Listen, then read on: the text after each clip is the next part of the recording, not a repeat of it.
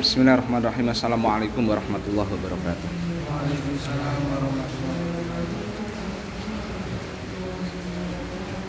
Yang lain nggak datang. Nyusul.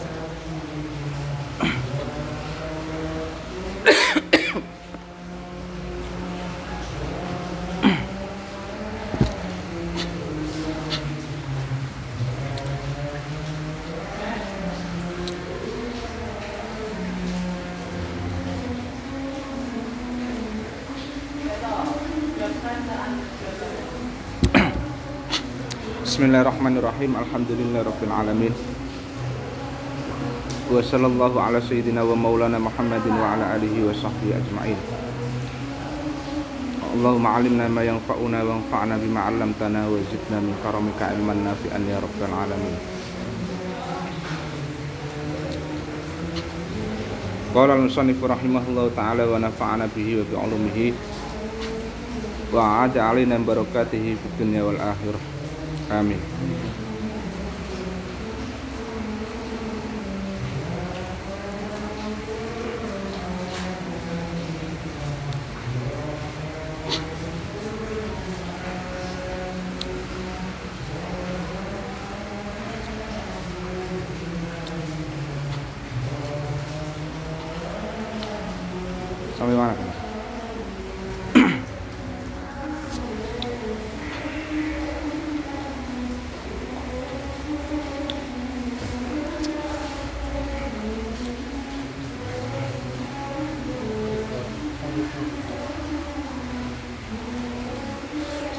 Oh yang apa? Usul fake ya sekarang.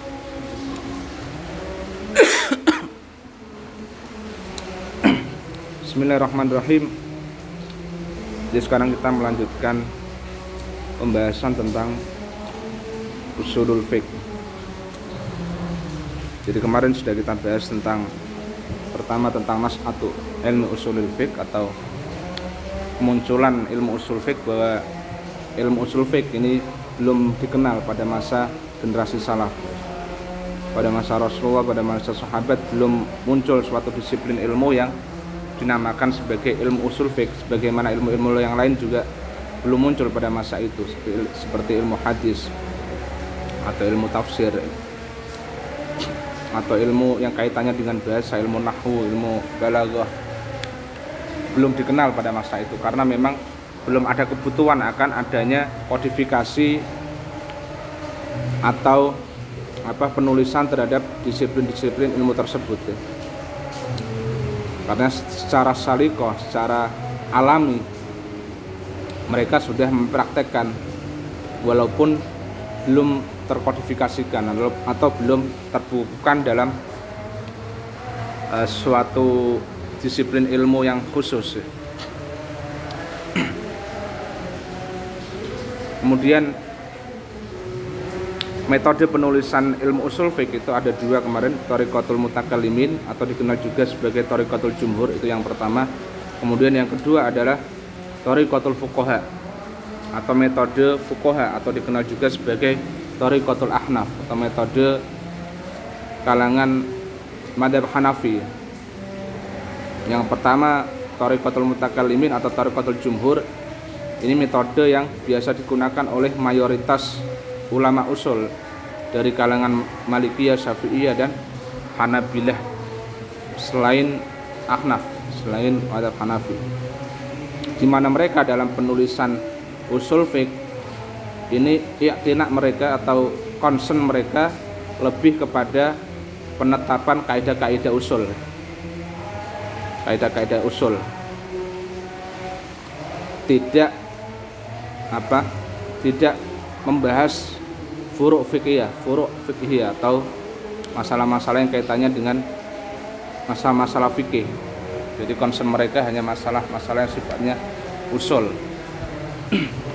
Baru kemudian istiadat-istiadat fikih mereka dibangun berdasarkan usul-usul tersebut atau kaidah-kaidah usul tersebut. Beda dengan Hanafiyah, Tariqatul Ahnaf atau Tariqatul Fuqaha. Itu kebalikannya karena memang fikihnya sudah mereka bangun terlebih dahulu ya. Jadi fikihnya sudah mereka tulis, sudah jadi fikihnya terlebih dahulu. Baru ketika kemunculan ilmu usul fik, baru mereka punya perhatian terhadap penetapan kaidah-kaidah usul dan itu kemudian diambil dari disimpulkan dari furuk fikih atau masalah-masalah fikih yang telah mereka bangun terlebih dahulu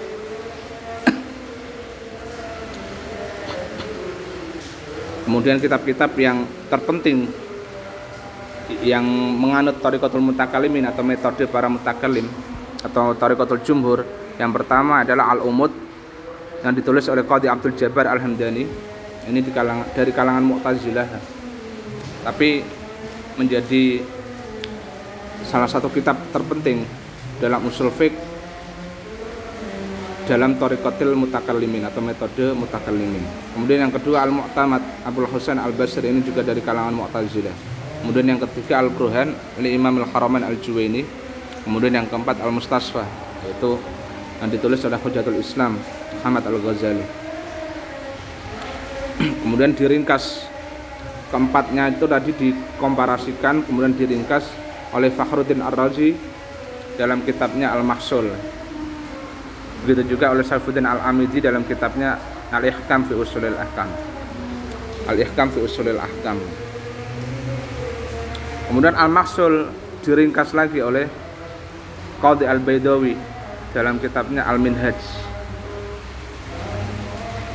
Begitu juga Al-Ihkam fi Usulil Ahkam diringkas oleh Al-Amidi sendiri menjadi Muntahasul, kemudian diringkas lagi oleh Ibnul Hajib menjadi Muktasar Al-Muntaha. Terus sekarang ahamul kutub paling penting-pentingnya kitab ala tariqatul fuqaha ing metodenya fuqaha atau dikenal juga sebagai tariqatul ahnaf, metode ahnaf. Wa amma ahamul kutubi anapun utawi paling penting-pentingnya pira-pira kitab ala tariqatul fuqaha ing metodenya pira-pira ahli atau metodenya fuqaha. Faya mongko utawi tariqatul fuqaha atau al-kutub ala tariqatul fuqaha awalan usulul jassos. Yang pertama adalah kitab usulul jassos. Ditulis oleh Imam al-Jassos. Al-mutawaffa salah sumi'ah wa sab'una hijriyatan. Kemudian salisan takwimul adillah. Kitab takwimul adillah lid dabusi yang ditulis oleh Imam ad-Dabusi. Al-mutawaffa sanah arba'umiyah wa salasun hijriyatan Salisan usul al-Bajdawi, usul al-Bajdawi. Al-mutawaffa sanah arba'umiyah salasa wa samanun hijriyatan. Rabi'an usul Sarhasi al-mutawaffa sanah arba'umiyah wa tis'una hijriyatan. Hamisan wa min ahamil muhtasarat lan setengah saking penting-pentingnya pira-pira ringkesan allati a'tanu kang wis konsen atau wong perhatian bisar bisar kelawan nyarahi al muhtasarat wa dirasati halan melajari muhtasarat wa tadris halan ngulang muhtasarat wa ya utawi ahamul muhtasarat al manar rupane kitab al manar li abil barokat kedua imam abul barokat abdullah bin ahmad. Al ma'ruf kang tin kenal bi hafiduddin an nasafi atau imam an nasafi al mutawaf al mutawaffah sanah sab'umiyah wa asara hijriyatan. Wakat kamalan temen wis jumeneng adadun sapa pira-pira wong akeh? Minal mutaakhirina saking pira-pira ulama ulama akhir. Minat tariqat ini saking metode loro. Di kitabati usulul fikhi kelawan nulis kitab usul fik alat tariqata ini ing metode loro tariqah loro. Jami'an hal ngumpulake baina usul jumhur ing dalam antarane usule al jumhur usul fikih al jumhur wa usulul hanafiyah dan usule al hanafiyah kemudian di kalangan ulama mutaakhirin banyak yang kemudian melakukan komparasi al jam'u bainal isnain. Komparasi antara dua metode yaitu metode mutakalimin atau tarikatul mutakalimin dan metode al fuqaha atau tarikatul ahnaf. Jadi dikomparasikan menjadi satu kitab jadi kalau sebelumnya disebutkan kitab-kitab yang menganut metode al-mutakallimin atau tarikatul jumhur kemudian disebutkan kitab-kitab terpenting yang menganut metode penulisan al-ahnaf atau tarikatul fuqaha maka kemudian ulama-ulama belakangan mencoba menulis kitab yang mengkomparasikan antara kedua metode tersebut yaitu antara metode mutakalimin dan metode fuqaha atau ahnaf tadi. Terkadang terkadang apa penulisannya menggunakan torikotul mutakalimin tapi disela-selai dengan memasukkan apa pendapat-pendapat dari kalangan ahnaf. Terkadang juga dari kalangan ahnaf menulis kitab usul menggunakan metode ahnaf tapi disela-selai dengan pendapat-pendapat ulama yang menggunakan metode mutakalimin atau hanya menyebutkan khilaf-khilafnya saja khilaf-khilaf antara dua metode tersebut ya. ini mungkin bisa dikatakan sebagai tarikatul jam'i ya atau metode komparasi. Wa min ashurim wa min ashuriman lan iku setengah saking masyhur masyhure wong kataba kang wis nulis sapa man fi ing dalam ikilah ikilah bab. Maksudnya yang mengkomparasikan antara Tariqatul Mutakalamin dan Tariqatul Ahnaf awala, awalan Tajuddin Asubki yaitu Imam Tajuddin Asubki ayahnya namanya Taqiyuddin As-Subki. Keduanya sama-sama imam besar dalam madhab syafi'i wa walan utawi imam Tajuddin As-Subki min kibari ashabina iku setengah saking penggede-penggede ini ulama kita ashabina maksudnya ulama kita. As-syafi'iyah kan bangsa madhab syafi'i. Allah fanulis tau nganggit sapa Tajuddin As-Subki fi dalika yang dalam mengkono-mengkono Tariqatul Jam'i. Mono kitab yang mengkomparasikan antara dua metode itu Tariqatul Mutakalimin dan Tariqatul Ahnaf. Kitabahu ing kitabe Tajuddin Asubki al-masyhur al-masyhur kang terkenal. Jam'ul Jawami rupanya kitab Jam'ul Jawami. Nama kitabnya namanya kitab Jam'ul Jawami. Atau di kalangan pesantren biasanya disingkat menjadi kitab JJ ya. JJ 2J Jamul Jawami 2 jim. Ini kitab ini apa metodenya pakai metode komparasi. Komparasi antara dua metode yaitu Tariqatul Mutakalimin metode Mutakalimin yang iktinaknya yang concernnya kepada penetapan kaidah-kaidah usul tapi dikomparasikan dengan metode ahnaf atau metode fukoha tarikatul fukoha yang apa? Banyak memberi perhatian terhadap furuk fikih atau masalah-masalah fikih makanya kalau kitab-kitab yang tarikatul ahnaf itu biasanya contoh-contoh masalah-masalah fikihnya itu banyak tapi kalau tarikatul jum eh, tarikatul jumhur atau tarikatul mutakalimin biasanya kadang malah nggak ada contoh fikihnya. Kitab usul ya isinya kaidah-kaidah usul aja. Permasalahan-permasalahan usul fik saja. Kalau pengen tahu tentang fikih ya merujuk kepada kitab fikih khusus. Waladi ikhtasara kang wis ngringkes sapa Imam Tajuddin Asubki hu ing kitab kamakola kaya oleh wis dawuh fi muqaddimat fi muqaddimatihi ing dalam pendahuluane kitab Jamul Jawami min mi'ati kitabin saking 100 kitab. Jadi kitab Jamul Jawami ini kitab dikumpulkan dari 100 kitab. Jadi sebelum nulis Jamul Jawami sudah mutola'ah dulu 100 kitab itu dibaca semua.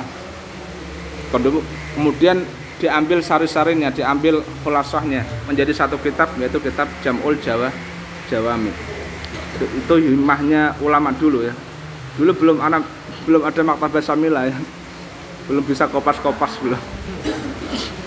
Jadi dibaca dibaca semua kitab 100 kitab itu. Walahulan Iku kedua kitab Jamul Jawami surufun adidatun utawi pira-pira sara adidatun kang akeh. Wa ahammiyatun lan perhatian. Utawa apa? Ya perhatian kabiratun kang akeh. La tahfa kang ora samar ala darisin ing atase pelajar ing atase wong kang belajar li ilmu usuli maring ilmu usul usul jadi jamul jawam ini banyak sarahnya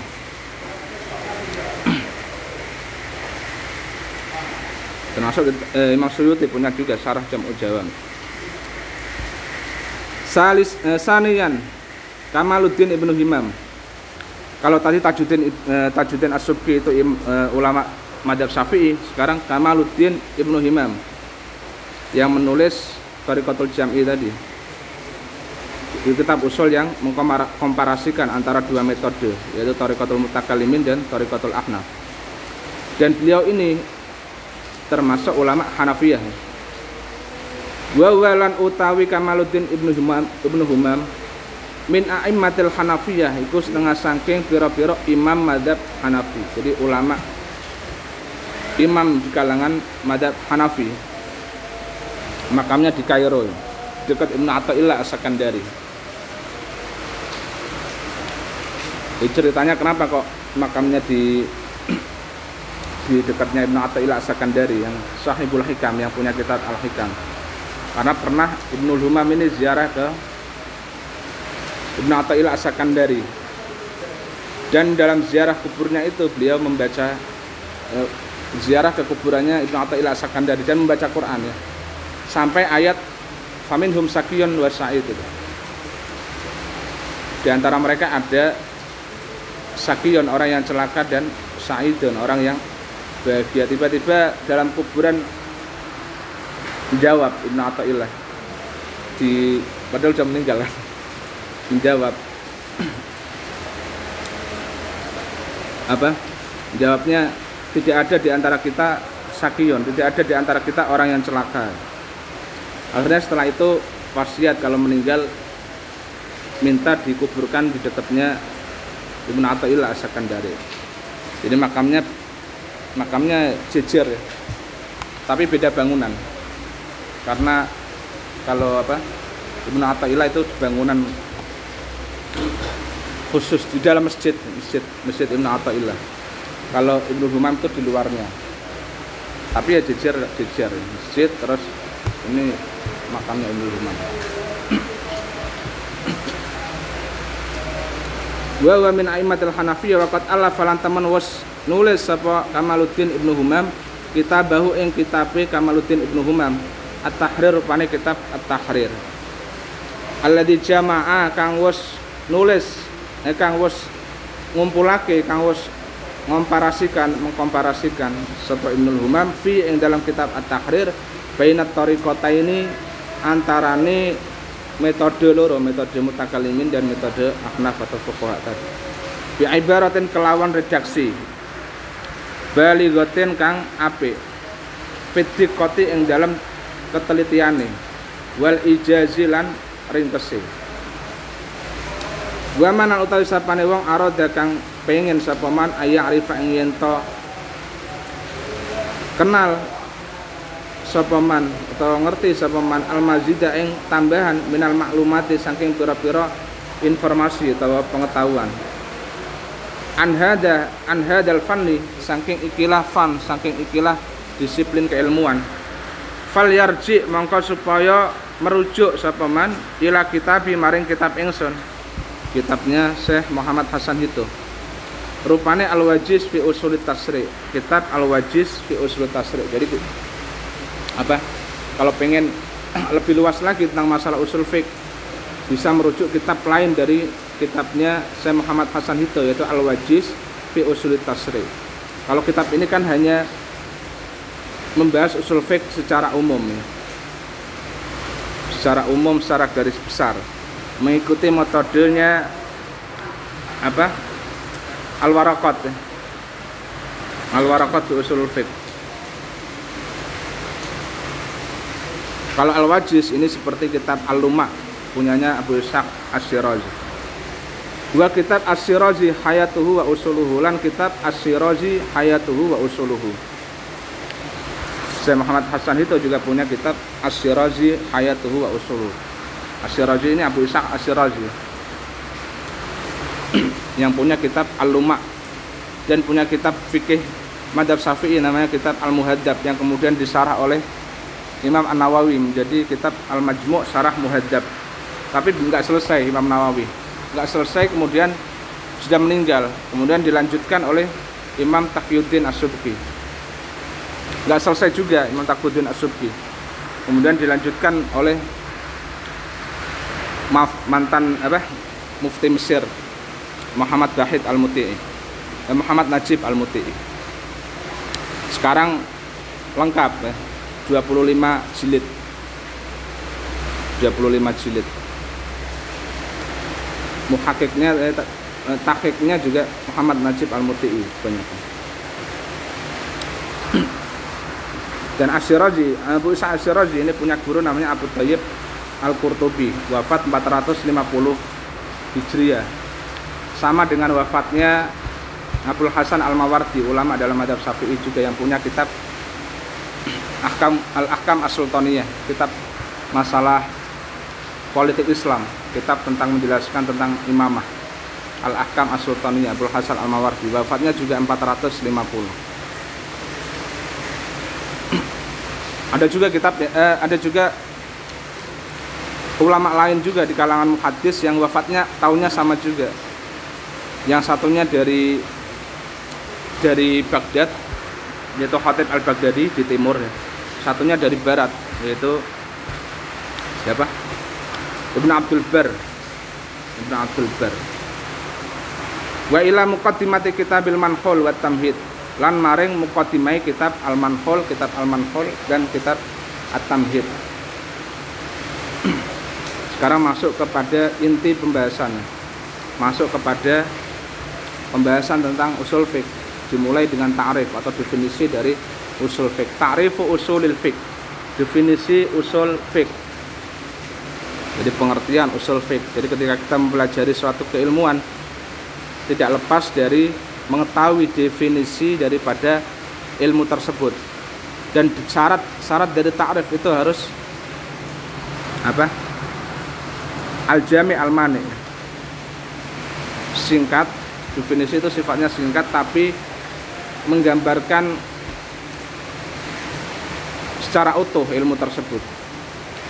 Dan mani mencegah mencegah apa definisi yang di luar pembahasan ilmu tersebut. Qoblal haud qoblal haudi sedurunge jegur Fima bahasi usul fikih yang dalam beberapa pembahasannya usul fikih yajib wajib alina ing kita an natasawwar an natasawwara ing yen to gambarake sapa kita hadal ilma ing ikilah ilmu. Wa hadalan utawi iki yakunu ana apa hada?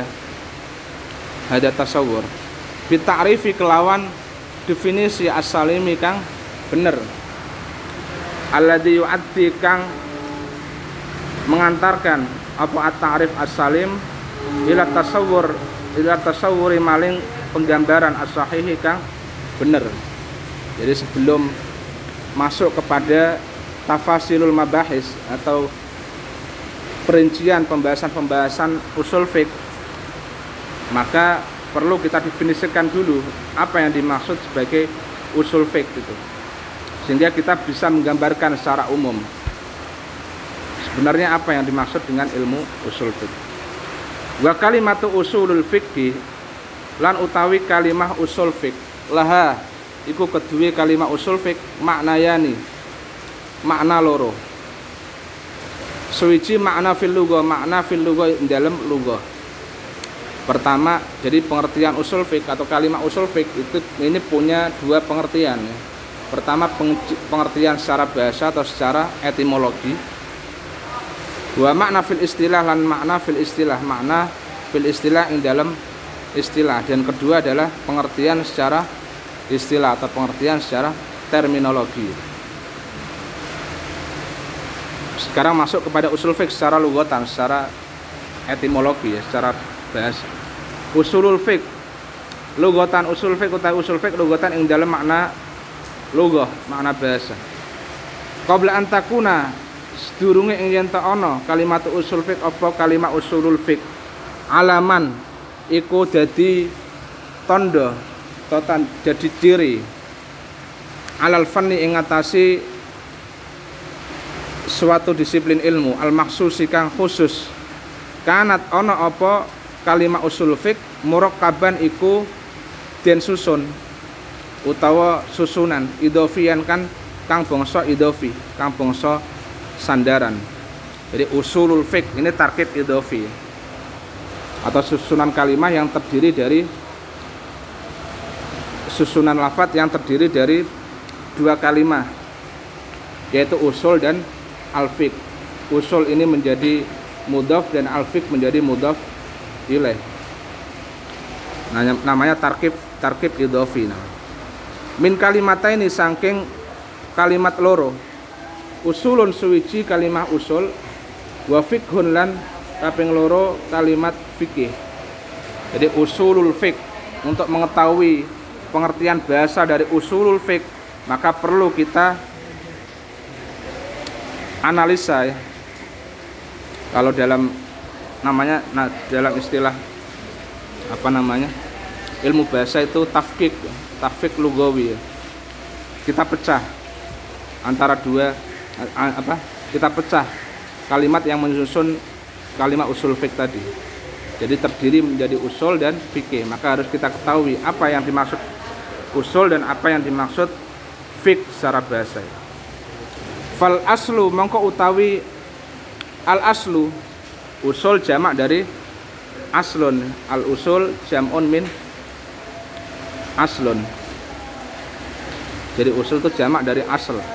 Lugotan yang dalam makna bahasane ma yub ma yang bani alihi guru ma utai barang yang bani kang den bangun alihi ing atase ma geruhu apa liyane ma. Jadi secara bahasa al aslu itu adalah pengertiannya ma yang bani alihi geruhu jadi sesuatu yang menjadi landasan atau dibangunnya sesuatu yang di atasnya. Atau apa? Kalau dikatakan aslul buni aslul bunyan aslul bunyan itu maksudnya berarti apa? Pondasinya pondasi bangunan itu di al aslu itu pondasi. Wal ulan utawi far far'u atau cabang ma yang bani alaihi ghairuhu. Eh, ma yang bani ala ghairihi ma utawi barang yang bani kang den bangun ala ghairihi ing atase liyane ma. Kalau yang di atasnya itu namanya far'un. Jadi al aslu ma yang bani alaihi ghairihi asal itu landasan yang dibangun di atasnya sesuatu yang lain. Kalau far'un itu ma yang bani ala ghairihi sesuatu yang dibangun di atas selainnya di atas asal tadi. Ini makna secara secara bahasa. Wastilahan lan ing dalam makna istilah makna terminologi lahu iku kedue usul fik ma'anin pira-pira makna muta'addidatin kang macem-macem. Minha iku setengah saking ma'anin muta'addida awalan ad-dalilu. Adapun secara istilah eh, asal ya tadi.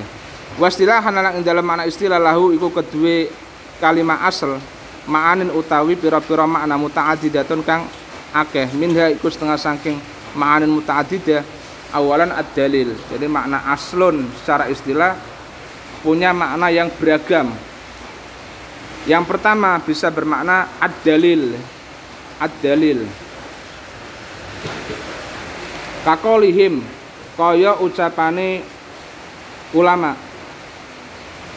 Al aslu fi hadhil mas'ala utawi asale ikilah mas'alah kada kaya mengkene. Ai daliluha tegese dalile mas'alah jadi asal secara istilah bisa bermakna dalil. Misalnya misalnya al aslu al aslu fi wujubis shalah qauluhu ta'ala aqimus shalah maksudnya dalil, dalil kewajiban salat adalah firman Allah taala Akimus sholat Dirikanlah sholat. Jadi maknanya dalil. Ini makna yang pertama jadi al aslu secara istilah maknanya banyak. Yang makna yang pertama yaitu bisa bermakna dalil. Seperti contohnya tadi. Al aslu fi wujubis sholat maksudnya dalil kewajiban sholat. Qauluhu ta'ala aqimus sholat yaitu ucapan Allah ta'ala atau firman Allah ta'ala aqimus sholat jadi bisa bisa menggunakan al aslu ai bimakna ad dalil sanian al qaidah al mustamirah al qaidah al mustamirah kaidah yang dipakai yang berlanjut ya. Kaidah yang berlanjut yang dipakai terus menerus al aslu secara secara istilah juga bisa bermakna kaidah mustamirah atau kaidah mutaridah kaidah umum yang dipakai. Kakolihim koyo ucapane ulama As, al aslu fil maitah at tahrimu utawi asal fil maitah ing dalam hukumi batang at tahrimu iku haram. Artinya bahwa asal atau hukum asal daripada bangkai adalah ha, haram. Yang semua orang tahu. Sudah menjadi kaidah umum ya. sudah menjadi kaidah umum bahwa bangkai itu asal hukumnya haram. Kecuali kalau dalam kondisi daru, darurat. Tapi kaidah umumnya haram. Ay al qaidah al mustamirah ay tegese al qaidah al kaidah yang dipakai. Dipakai terus. Pihak ing dalam maita dia ya utawi kaidah tahrimu akliha iku keharamane mangan maita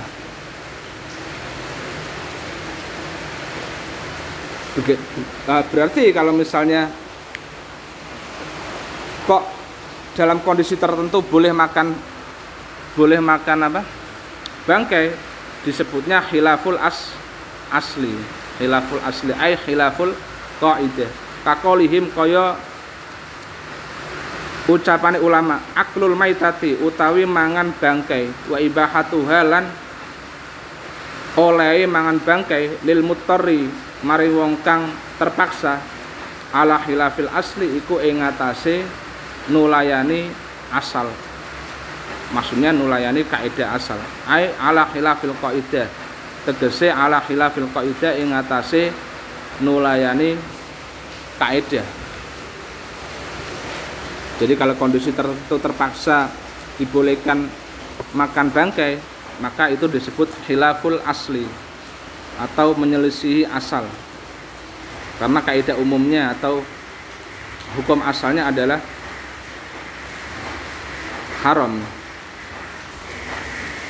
Kemudian yang eh, kemudian sekarang pengertian fikih. Wal fikhulan utawi fikih lugotan ing dalam makna bahasa al fahmu iku faham jadi fik fikih secara bahasa secara bahasa di mana al-fahmu seperti kata seperti firman Allah taala qalu ya suaibu ma nafqahu katsiran mimma taqul. Ai ma nafhamu katsiran mimma taqul. Wa minhu lan iku setengah lan iku saking makna al-fahmu qaluhu. Firmane Allah taala mahlur sapa Allah qalu padha ngucap sapa kaum ya suaibu he suaib ma nafqahu. Ora paham sapa ingsun sapa kita? Hu ing eh manafkahu ora paham sapa kita kasiron ing akeh mimma saking barang takulu kang wis ngucap sapa sira. Nafkahu di situ bermakna nafha nafhamu. Walaupun secara bahasa fahima dengan fakihah itu ada perbedaan. Karena kalau menurut Ibnu Jini walaupun sebuah atau dua kata itu sifatnya muradif muradif atau apa? Sinonim ya. Maknanya sama itu mana sinonim ya. Dua kata itu sinonim tapi tetap ada perbedaan makna. Pasti ada diferensiasi ada perbedaan. Seperti fakihah dengan fahima. Walaupun maknanya secara umum sama faham tapi ada perbedaan. Kalau fahima apa?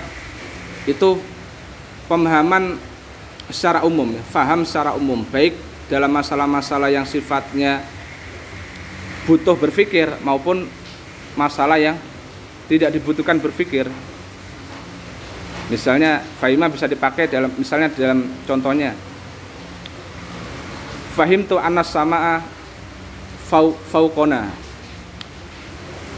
wal ardo tahti misalnya saya paham bahwa langit itu di atas saya dan bumi itu di bawah saya. Ini kan nggak butuh berpikir ya.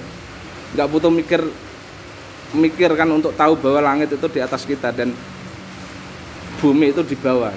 Itu bisa pakai fahima ya. Tapi kalau fakihah itu dipakai pada hal-hal yang sifatnya dakik yang sifatnya butuh berpikir. Butuh berpikir. Misalnya apa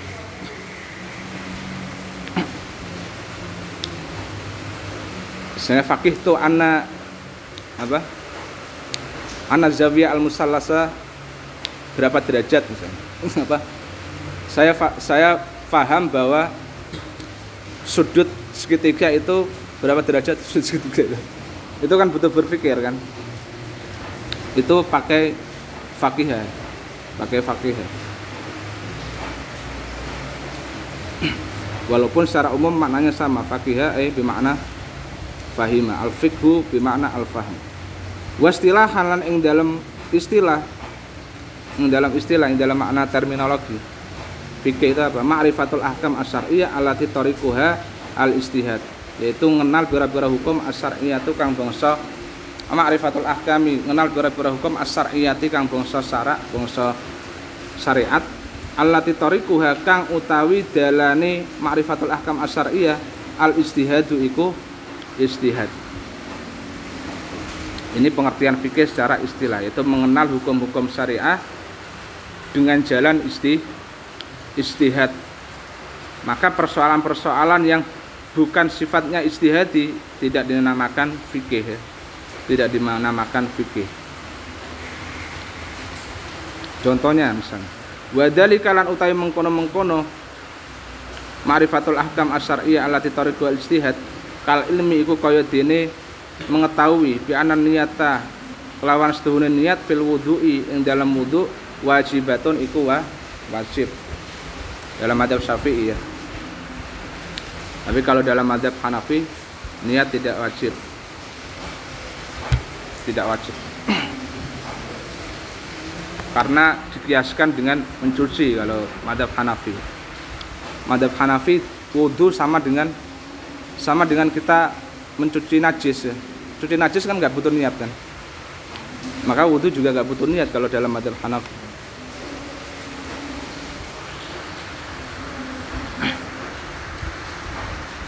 beda dengan madhab Syafi'i ini ya niat termasuk rukun bu wudhu kalau ada perbedaan pendapat berarti masalah ini sifatnya masalah istihad istihadi sifatnya istihadi ya.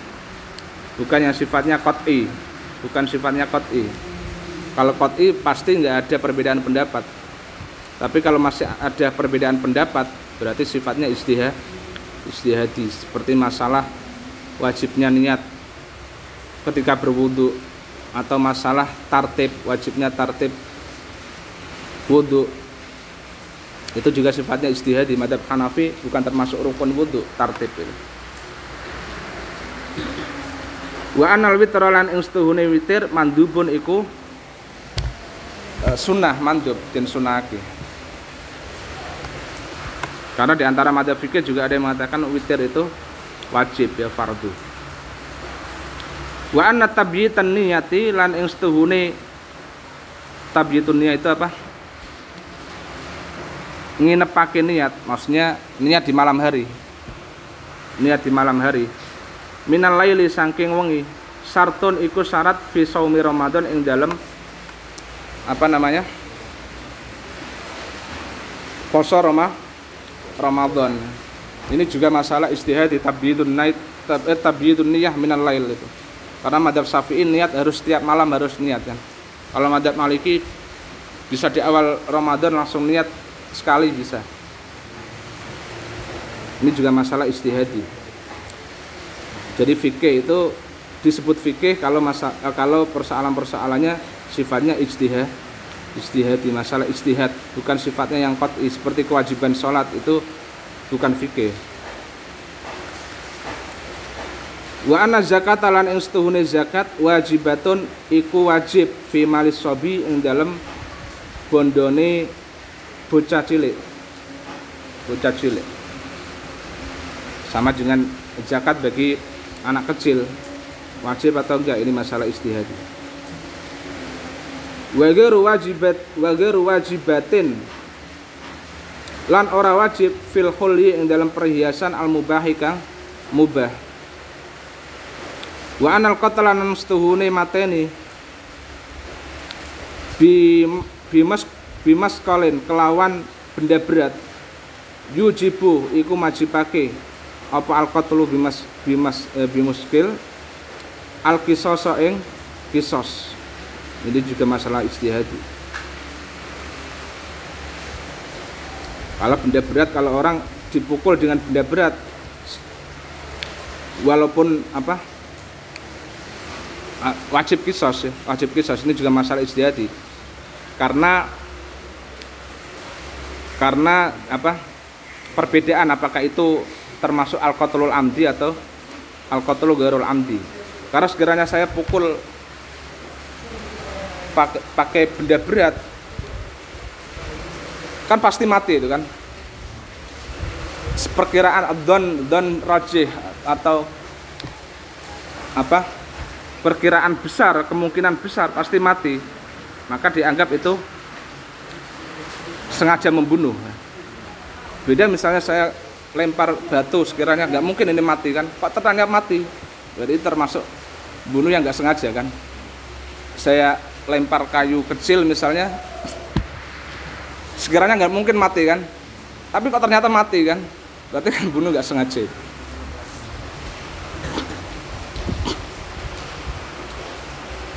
wa ghairu dalika wa ghairu dalika lan liyane mengkono-mengkono mengkono-mengkono matkur ya mengkono-mengkono masalah yang disebutkan tadi contoh-contohnya. Minal masail saking pira-pira masalah al istihadiyati kang bangsa istihadi.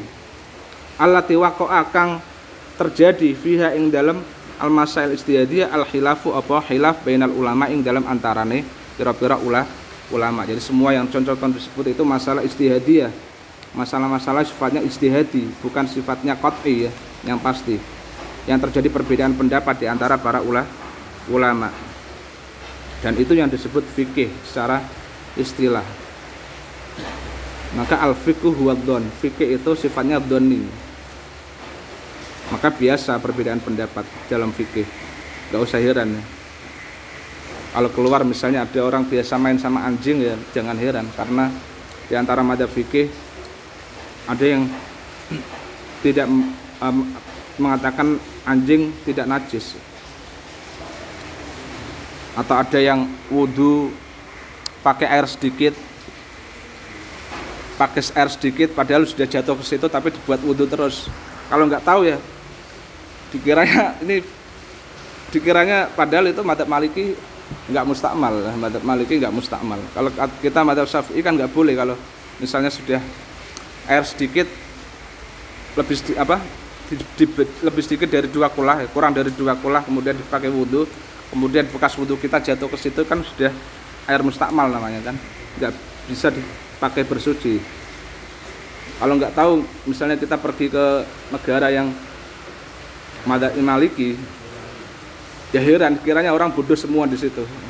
Padahal kita yang nggak tahu gitu kan.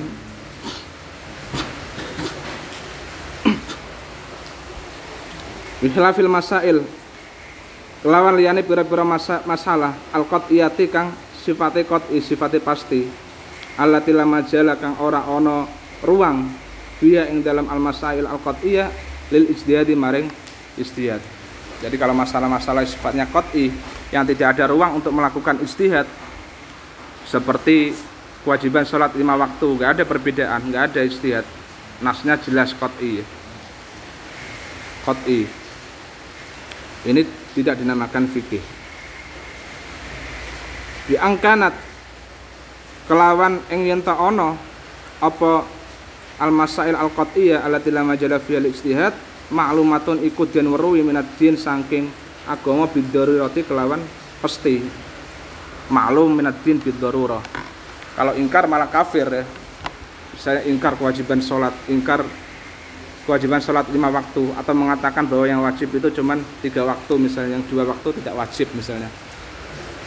Ini bisa kafir keluar dari Islam. Beda kalau mengingkari masalah istihadiyah nggak menyebabkan kah? Kafir. Walaupun nggak boleh diingkari ya. Karena masalah istihad la ingkar fil uh, fil masail istihadiyah tidak ada ingkar dalam masalah-masalah istihadi tapi kalau kita nggak setuju misalnya nggak menjadikan kita keluar dari Islam. Nggak menjadikan kita kafir. Beda dengan kalau misalnya masalah-masalah yang maklum minadin bidarurah seperti kewajiban sholat atau keharuman homer misalnya. Kita mengatakan homer itu nggak haram. Atau mengatakan sholat itu nggak wajib. Kafir auto kafir otomatis. Harus syahadat lagi. Wadhalikalan utawi mengkono-mengkono contohnya masa kot iya ya. Kal ilmi itu kaya ilmu kaya merwi bi anas solawati kelawan setuhune pira-pira salat al khamsat al kang lima wajibatun iku wajib. Seperti pengetahuan bahwa sholat lima waktu itu wa, wajib. Ini minal minal maklum atau maklum minad din darurah. Maklum minad din darurah. Nggak ada perbedaan di kalangan madhab-madhab fikih di kalangan umat Islam. Semuanya tahu secara pasti bahwa sholat lima waktu itu wajib ya. maka mengingkarinya bisa hukumnya keluar dari Islam. Karena orang nggak sholat itu kan ada dua jenis kan. Ada nggak sholat karena males. Kalau ini nggak sampai kafir ya. Dia nggak sholatnya nggak sholatnya karena males. Tapi dia tetap meyakini bahwa sholat lima waktu itu wajib. Dia nggak sholat hanya karena males saja ini nggak sampai kafir tapi hanya fa fasik. Tapi ada orang yang nggak sholat karena dia meyakini bahwa sholat lima waktu itu tidak wajib. Seperti aliran kebatinan misalnya. Jadi sholatnya dibatin saja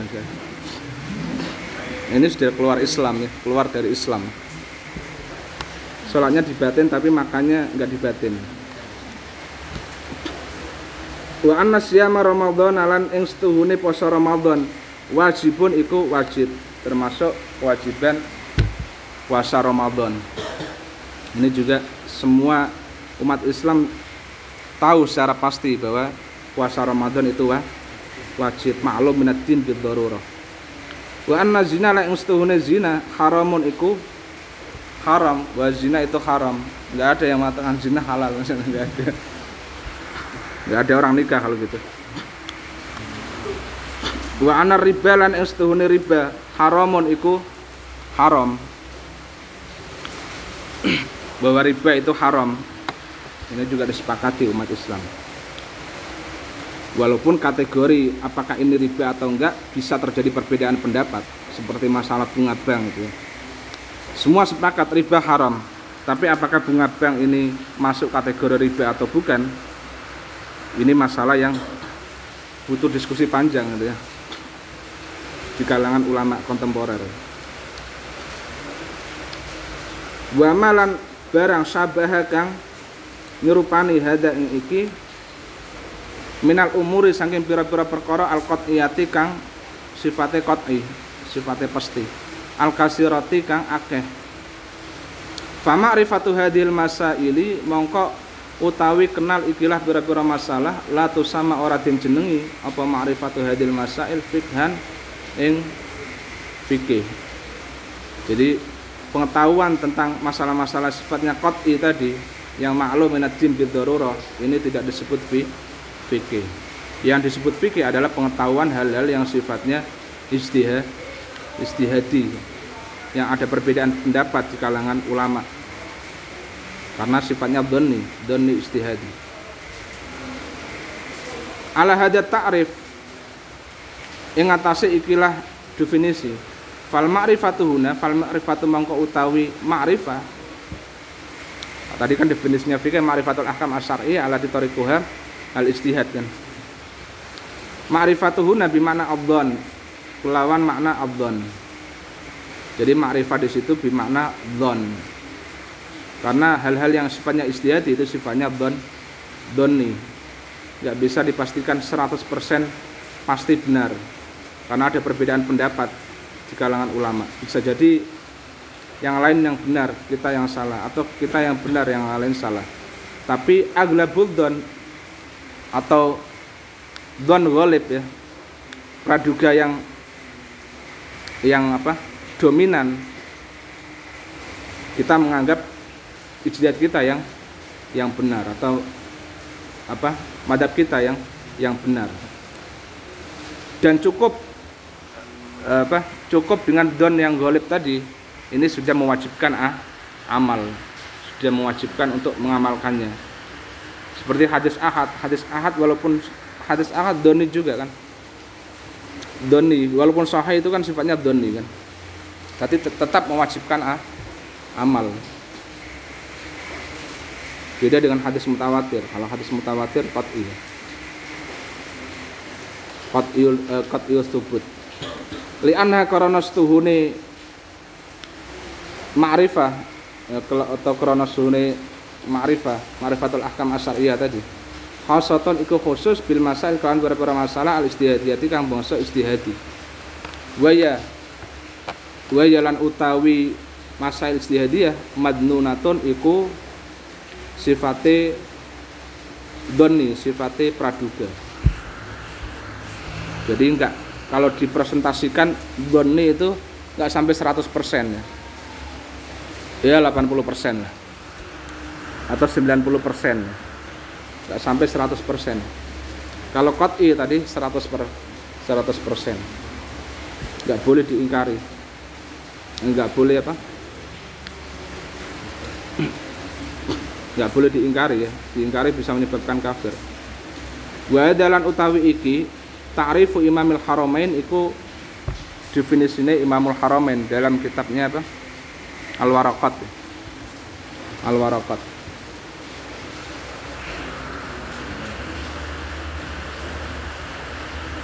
al waraqat banyak sarahnya termasuk imam Jalaluddin Al-Mahalli punya sarah warakat. Jadi Imam eh, apa? Syekh Muhammad Hasan Hito di kitab ini mengikuti metodenya Imamul Haramain Al-Juwaini dalam menulis kitab Al-Warakat. Jadi ringkas atau pembahasannya secara umum. Wahuna kalan ing dalam kono ta'rifatun iku yang dalam kono ta'rifatun utawi pira-pira definisi ukhra kang liya kasiratun tur akeh lil fikhi maring fikih. Jadi tadi yang dipakai oleh Syekh Muhammad Hasan itu dalam kitabnya Al-Khulasah Usul Fiqh ini itu memakai definisinya Imamul Haramain Al-Juwaini dalam kitabnya apa? Al-Waraqat fi Usulul Fiqh. Al-Waraqat fi Usulul Fiqh.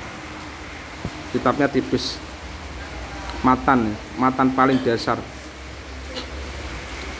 wa amma maudhu'u ilmi usulul fiqh eh wa, wa amma maudhu'u ilmi fiqh adapun tema ilmu fikih bahwa hal utawi maudhu ilmu fiqh fi'lul mukallafi iku penggaweane wong mukallaf.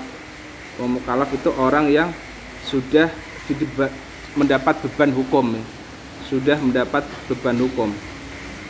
Ya muslim akil balil mumayyiz itu. Muslim akil balil mumayyiz.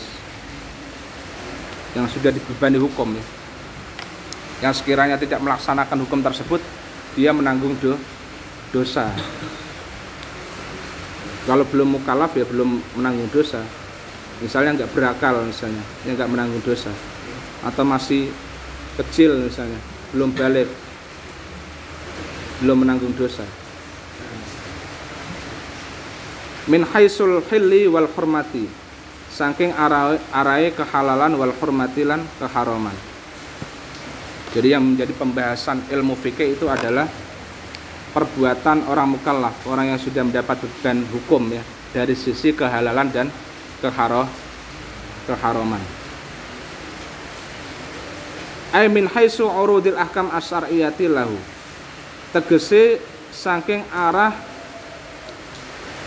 nempleke utawa tekone pira-pira hukum asyariyati kang bangsa syariah lahu maring mukallaf. Jadi dari arah dibebaninya hukum-hukum syariah kepada mukallaf tadi. Sudah mendapat beban hukum ya, sudah bisa dikatakan apa? Kalau melakukan hal yang diharamkan dosa. Kalau melakukan hal yang apa? diwajibkan ya berpahala misalnya. Wa amma istimdaduhu anapun utawi istimdaduhu apa namanya? pengambilane fikih atau kaitane fikih faminal kitab iku saking alkitab alkitab maksudnya alqur Al-Quran bukan Alkitab Injil ya bukan ya Orang Kristen kan kalau nyebut Injil Alkitab kan. Alkitab di sini maksudnya Al-Qur'an. Wa sunnatilan sunnah Rasulullah sallallahu alaihi wasallam. Wal isma'ilan isma wal qiyasilan qiyas wa ghairu dzalika lan liyane mengkono-mengkono Alkitab wa sunnah wal ijma wal qiyas minal adillati saking pira-pira dalil asyariyati kang bangsa syariat. Jadi pengambilan fikih, penyimpulan fikih itu diambil dari kitab, sunnah, ijma, kias dan dalil-dalil syar'i yang lain. Yang ini juga menjadi pembahasan dalam ilmu usul usul fiqh. Wa faidatuhu lan utawi faidai fikih belum masuk usul fikih, masih definisi fikih. Faidai fikih imtisalu awamir syar'i iku ngelakoni pira-pira perintah syariat atau perintah agama wastina bunawahihi lan ngedoi pira-pira larangane syariat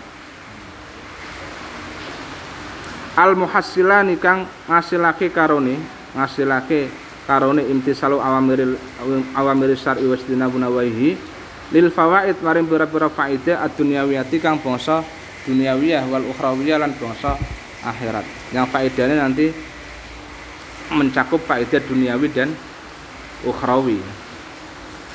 Karena fikih itu juga ada masalah-masalah yang kaitannya dengan ibadah mahdhah dan ada juga kaitannya dengan ibadah gaya rumah mahdhah kaitannya dengan ibadah ada muamalah ada jinayah yang kaitannya dengan pengaturan duniawi juga gitu. pengaturan persoalan-persoalan duniawi persoalan ekonomi, persoalan apa? Jinaya itu apa? Pidana ya, pidana. Imamah, masalah kepemimpinan dan lain-lain. Usulul fiqh. Usulul fiqh wallahu taala alam. Bisawab. Panjang soalnya jadi masih ya gimana